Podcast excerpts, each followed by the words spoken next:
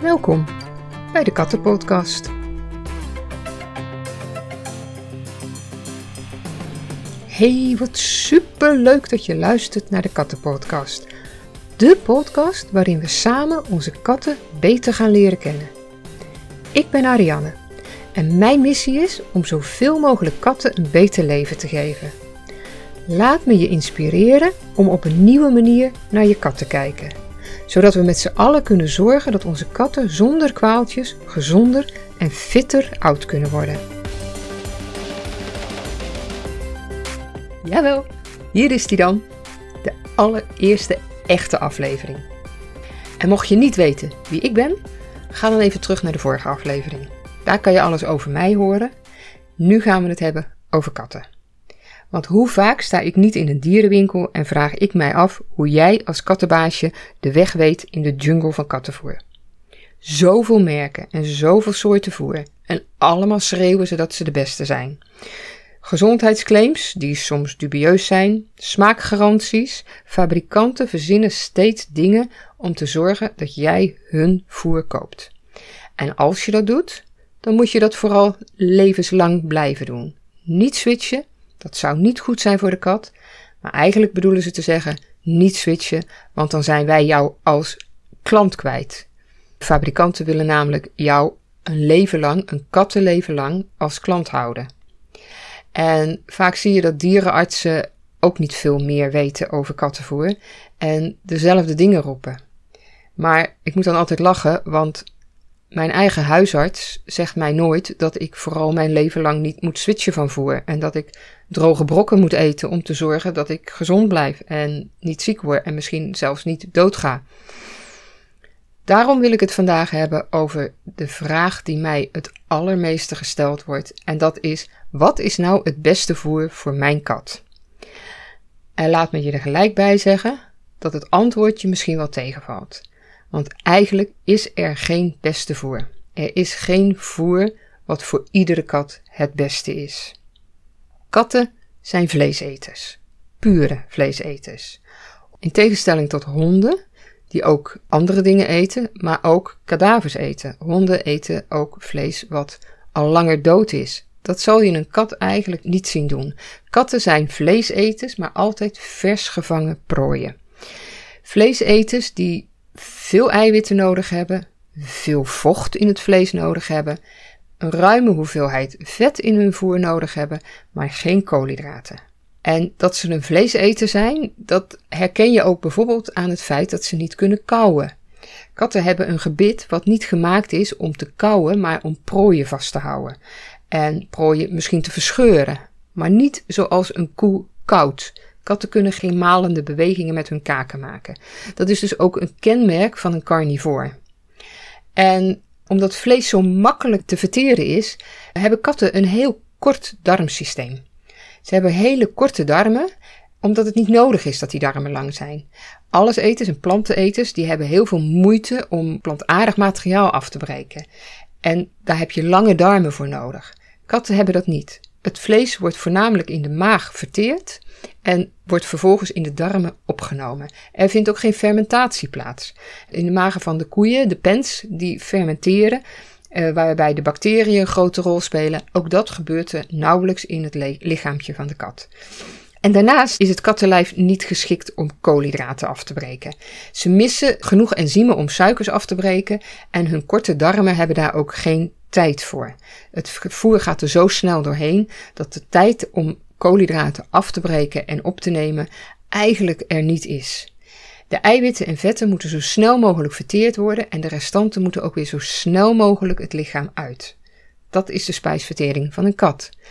En dat wil niet zeggen dat ze helemaal geen koolhydraten kunnen verteren, maar ze zijn er niet voor gemaakt. Want in de prooi, in de, in de maag en in de darminhoud van de prooi zitten vaak ook wel wat koolhydraten. Hè? De muis die wel plantaardig materiaal eet, dus waar wel koolhydraten in zitten. Alleen bij de muis zijn de enzymen die de muis er zelf al aan toegevoegd heeft, dragen bij aan de vertering van die koolhydraten zodra de kat ze gaat eten. En daarnaast zijn katten ook heel veerkrachtig. Als we naar het voer kijken en naar het feit dat katten hun leven lang die droge brokken soms eten, dan is een van de nadelen van de kat dat de kat heel robuust is. Katten vallen niet gelijk dood neer als ze een verkeerd dieet eten. Katten worden langzaam ziek. Dan krijgen ze chronische ziektes en daaraan gaan ze dan uiteindelijk dood. Vielen ze maar wel gelijk dood neer, want dan zouden wij veel sneller die trigger hebben dat er iets mis is en zouden we ze sneller ook ander voer gaan geven. Maar katten leven al zo'n 2 miljoen jaar op aarde en hun natuurlijke voer bestaat uit vlees. En pas in de laatste 60 tot 80 jaar zijn wij begonnen met het voeren van plantaardig en droog, sterk bewerkt voer. Voer waarvoor ze dus niet gemaakt zijn. De meeste mensen hebben dat ook niet door, dat het voer niet goed voor ze is. En dat snap ik heel goed. Juist omdat ze niet gelijk doodvallen en ook deels omdat er natuurlijk zo gepromoot wordt voor dat droge voer. Waarom zou jij als katteneigenaar dan gaan twijfelen of het goed is voor je kat? Want hij doet het er toch zo goed op. Het huidige kattenvoer is niet alleen droog, maar het zit ook vol met kunstmatige voedingsstoffen. Zoals bijvoorbeeld vitamines, mineralen, conserveermiddelen. Het zijn zeer goedkope ingrediënten waarvan niemand weet wat de kwaliteit is. Het kan vervuild zijn, bijvoorbeeld met pesticiden, of er kunnen andere ziekmakende stoffen of organismen in terechtgekomen zijn, dat weten we niet. Daarnaast is tijdens de productie van de brokken het voer ook aardig aangetast. De ingrediënten worden onder hoge temperaturen bewerkt, waardoor ook daar kwalijke stoffen ontstaan die de gezondheid van de kat kunnen aantasten. En bedenk dan dat die kat dat levenslang eet. Generatie op generatie eet hij dat droge voer, waar dus die kwalijke stoffen in zitten. Het is niet dat hij een maaltijd ervan eet, maar de meeste katten eten dat dag in dag uit, misschien wel vier keer per dag, hun leven lang. En daar wil ik het eigenlijk in deze podcast met je over hebben. Maar laten we eens naar de verschillende soorten voer kijken. Laten we ze eens op een rijtje zetten. En dan gaan we kijken naar wat de kwaliteit en de samenstelling van het voer is. Maar als het gaat om voerkeuze, is er eigenlijk maar één ding het allerbelangrijkste. Ik kan roepen wat ik wil over voer, ik kan je vertellen wat ik weet over voer, maar er is maar één ding het allerbelangrijkste en dat is dat het enige voer wat goed is voor de kat is het voer dat jouw kat wil eten. Ik kan zeggen van neem dit voer, geef dat voer, want dat is het allerbeste. Maar als jouw kat het niet wil eten, heb je een probleem. Kan ik nog zo hard roepen wat goed is, maar als je kat het niet eet, dan houdt het op. En daarnaast geldt ook nog dat iedereen voor zichzelf moet bepalen wat hij belangrijk vindt. Wat wil jij aan je kat geven? Wat is betaalbaar? Welk voer wil jij voeren?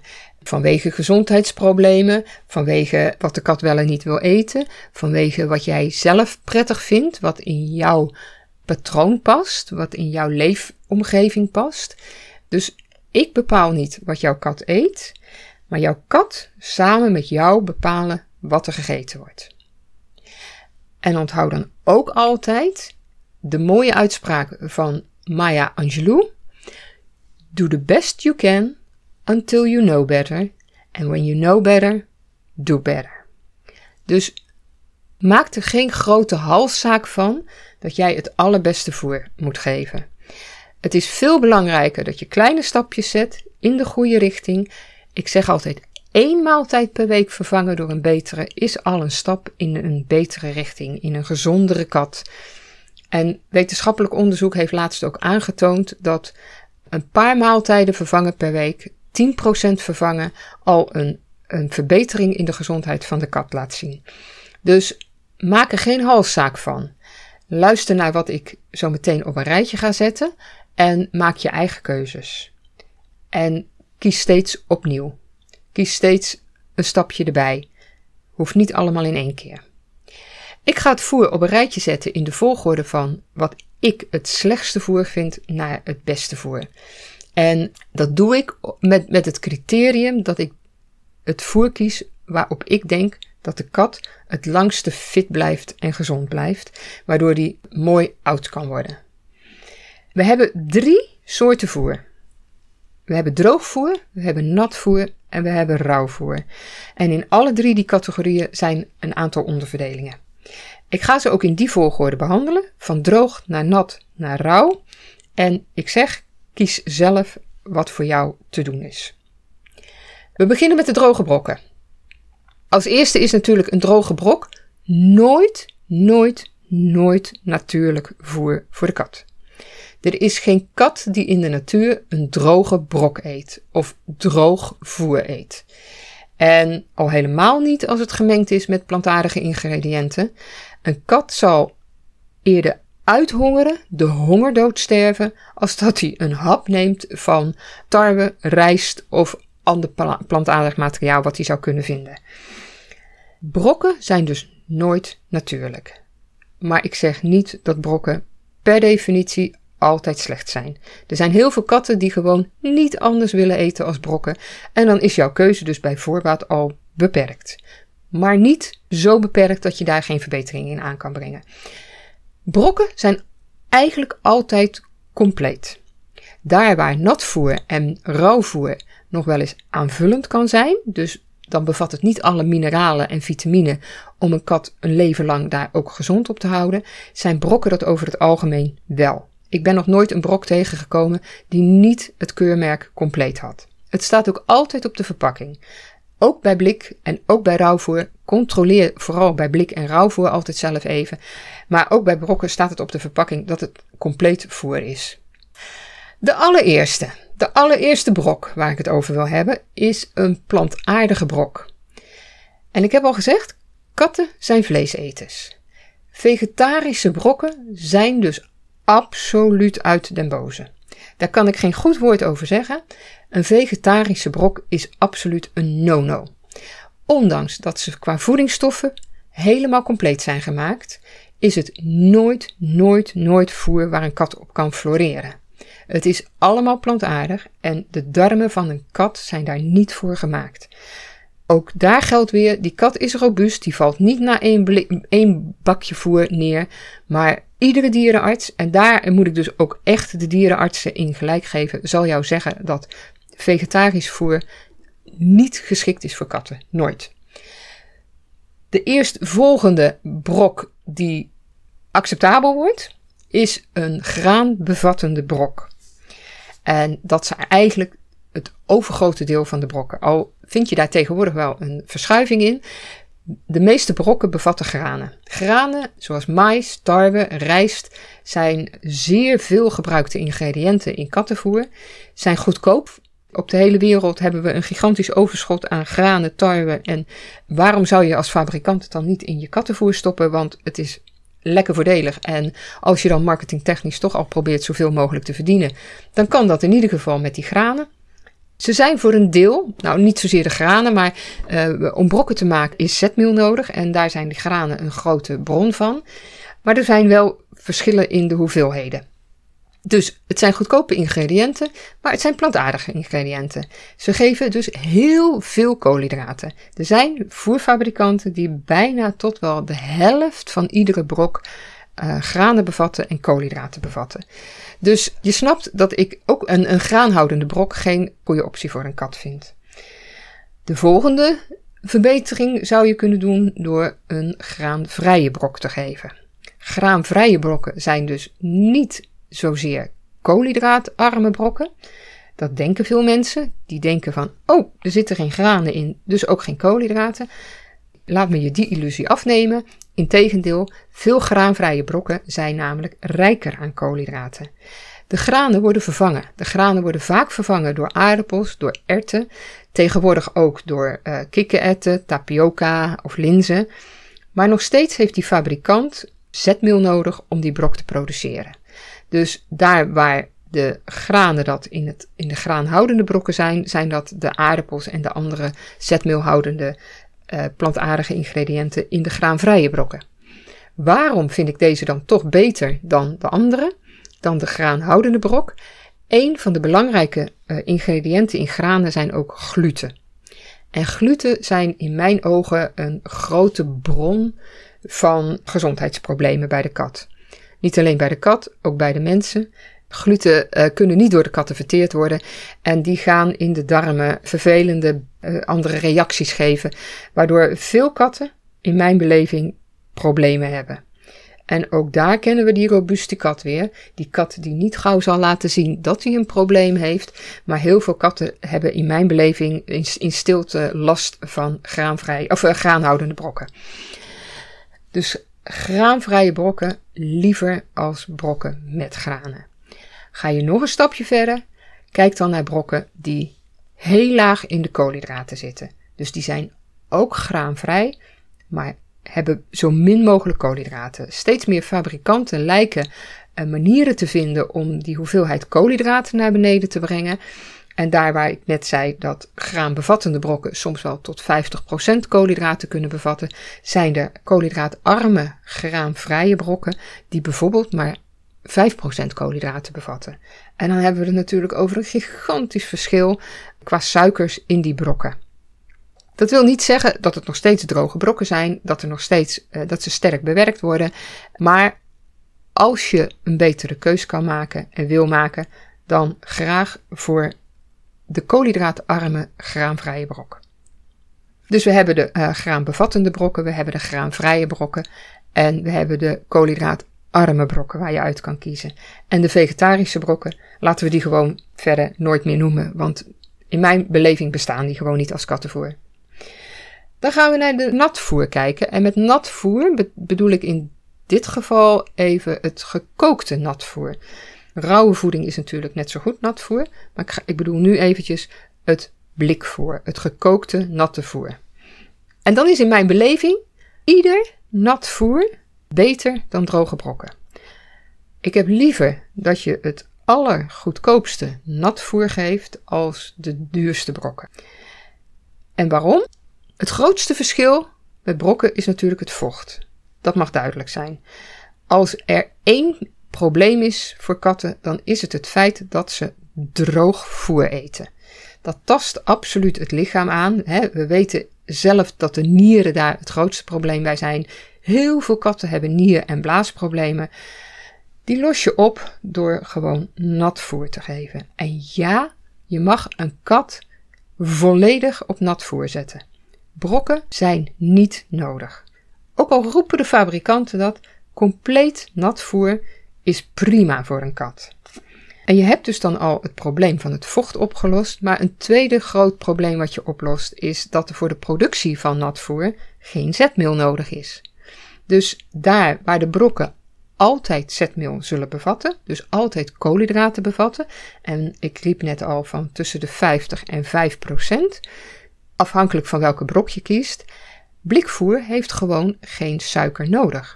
Wil niet zeggen dat er geen suiker in blikvoer zit. Soms zit er een heel klein beetje in.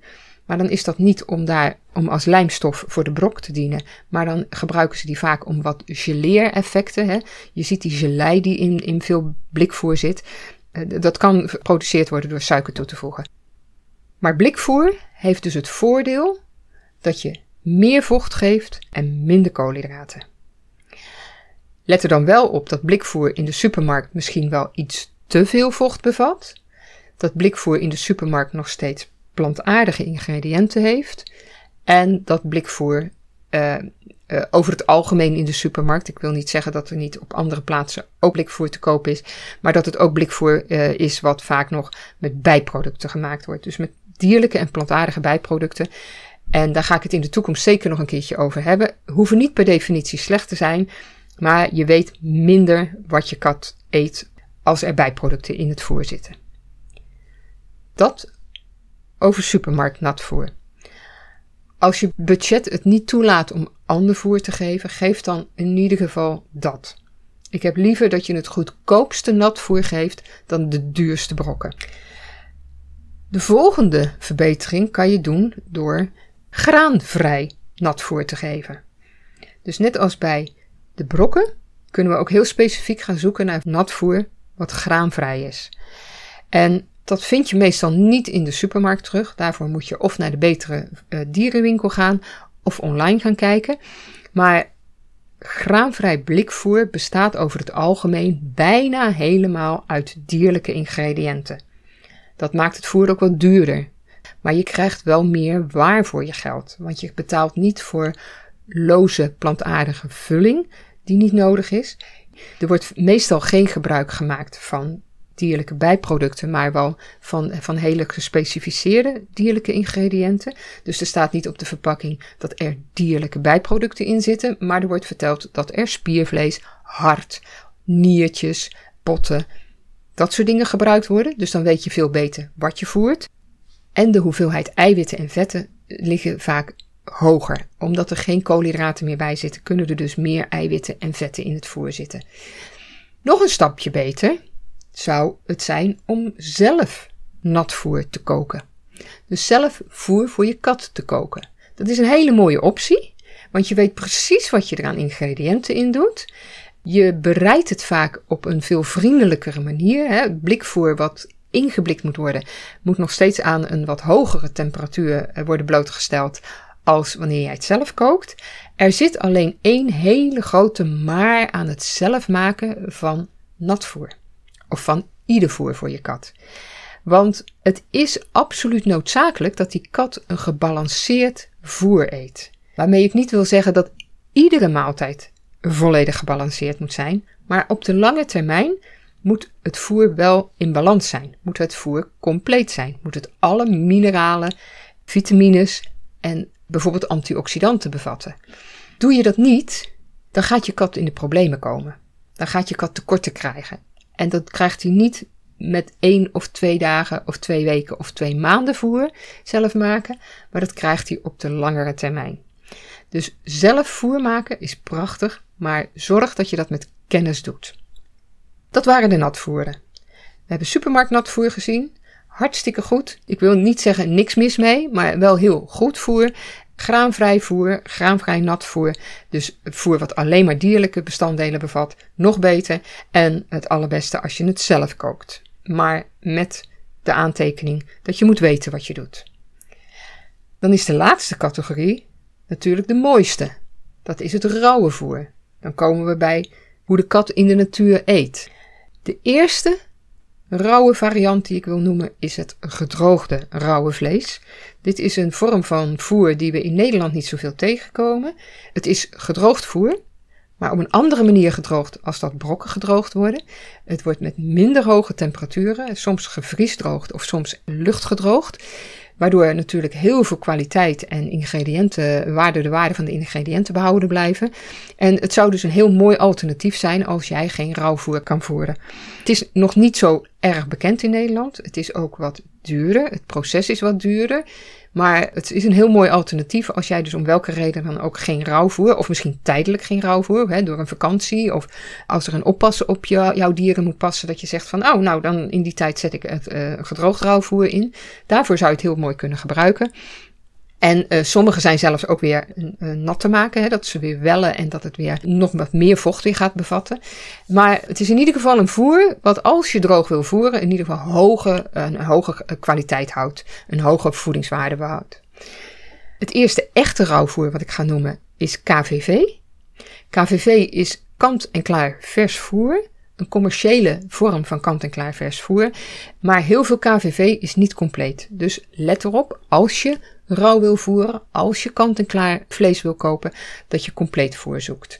Uh, je vindt het altijd in de diepvries. Het is altijd, bij mijn weten, altijd bevroren als het aangeleverd wordt. En het is een heel mooi product, maar let erop, ook daar kwaliteitsverschillen. Net als bij de brokken, net als bij het natvoer, is er altijd kwaliteitsverschil. Er zijn altijd fabrikanten die met betere ingrediënten, met natuurlijke ingrediënten werken. En er zijn fabrikanten die wat minder kwalitatief goede ingrediënten gebruiken. Daarnaast, rauwvoer, de naam zegt het al, is rauw, bevat dus ook microben en, en ziekmakende bacteriën of organismen. Het moet dus goed vers zijn. Je moet dus zorgen dat je goed vers vlees hebt. Het is mogelijk dat het rauwe voer wel behandeld is. En dat zou kunnen met een UV-behandeling of met high pressure pasteurization. Dat is een, een pasteurisatie door druk en niet door warmte. De, je kan voer met ozon behandelen. Op die manier worden ziekmakende organismen in het voer gedood. De fanatieke rauwvoerders eh, zullen dit vast geen rauwvoer meer vinden. Maar ik denk dat het een mooie vorm is om het voer wat veiliger te maken. Waarmee ik absoluut niet wil zeggen dat rauwvoer niet veilig is. De kat eet van nature rauwvoer. Wij zijn dat niet gewend. Ga dus ook geen eten uit de supermarkt rauw aan je kat geven. Koop geen gehakt in de supermarkt. Gehakt lijkt ook gemalen rauwvlees te zijn. Dat klopt, het is natuurlijk gemalen rauwvlees. Maar buiten dat er soms kruiden en uh, andere dingen aan toegevoegd zijn die niet goed zijn voor de kat, is gehakt in de supermarkt bedoeld om te verwarmen en niet om rauw te eten. De laatste vorm van rauw kattenvoer heet barf. En BARF staat voor Bones and Raw Food en is nog net een stapje verder als KVV. BARF is namelijk rauwvoer wat je zelf maakt. Wat je zelf samenstelt, wat je niet zo in de supermarkt koopt. Je koopt de losse onderdelen in, in, en niet in de supermarkt. Je koopt dat bij bedrijven die speciaal voor kattenvoer of voor hondenvoer dit aanbieden. Op die manier weet je precies weer wat er in het voer zit, net als bij het gekookte voer wat ik er straks noemde. Je weet wat erin zit, je weet dat de enzymen nog levend zijn die erin zitten. Het is niet bewerkt geweest, maar er zit ook een grote maar aan. Je moet je absoluut goed verdiepen als je dit soort voer gaat geven. Het is echt heel belangrijk dat je het goed samenstelt een biefstukje of een kipfiletje in de supermarkt halen of bij de slager meenemen en dat aan je kat voeren is een leuke snack voor een keertje, maar is geen rauw voeren, is geen barven. Doe dat dus niet. Geef af en toe een stukje van je eigen vlees rauw, maar zie dat niet als ik voer mijn kat rauw. Rauw voeren, barven, doe je met kennis. Of je doet het niet. Het gaat erom dat de hoeveelheden vet en eiwitten goed zijn. Het gaat erom of de verhouding tussen calcium en fosfor goed is. Dat moet je weten, daar moet je kennis van hebben. Maar het is absoluut een prachtige vorm van voeren. Het is een manier om bijvoorbeeld met allergieën met je kat om te gaan. Als jij weet wat een kat niet mag eten en je maakt je voer zelf, dan weet je ook zeker dat het er niet in zit. Je hebt de volledige controle. Je hebt de volledige controle over de kwaliteit en over de ingrediënten. Maar doe het goed of doe het niet. En natuurlijk, er gaat absoluut niks boven een zelfgevangen prooi. Als jij een kat hebt die jaagt, pak dan niet die muis af, maar laat hem ook opeten. Vertrouw erop dat een kat heel goed een muis kan eten. En er is niks mooier, er is niks biologischer als een muis met huid en haar opeten.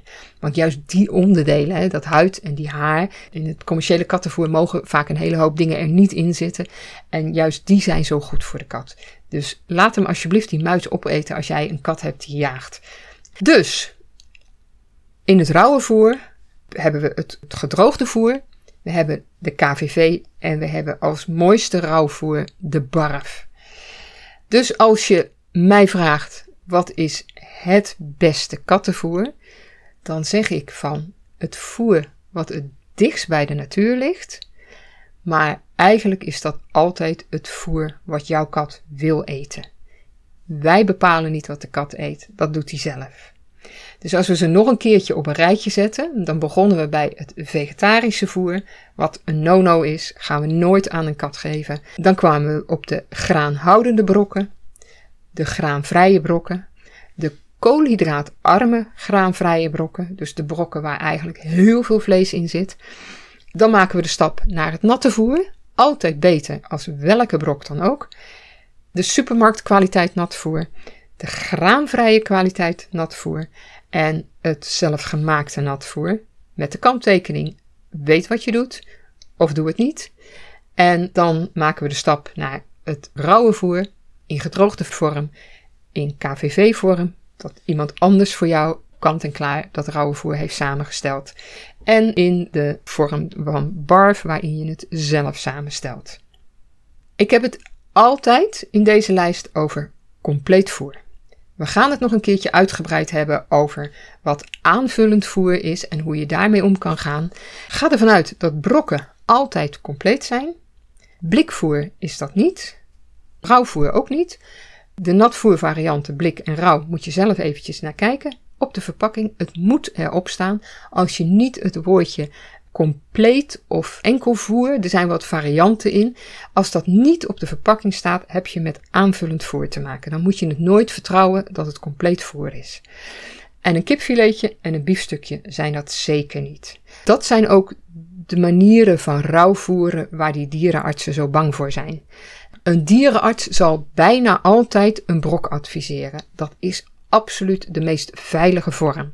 Ik snap dat. Die dierenarts heeft niet genoeg kennis en niet genoeg tijd om jou te helpen ander voer te geven.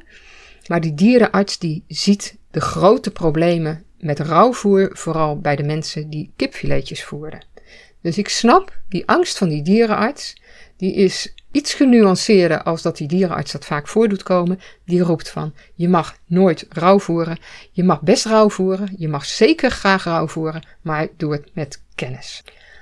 Goed, dat was de eerste aflevering.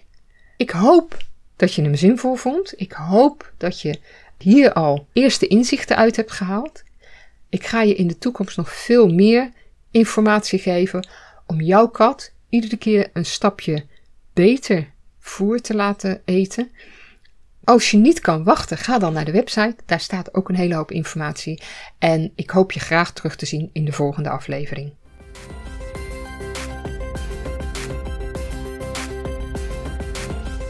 Dankjewel voor het luisteren naar deze aflevering van de Kattenpodcast.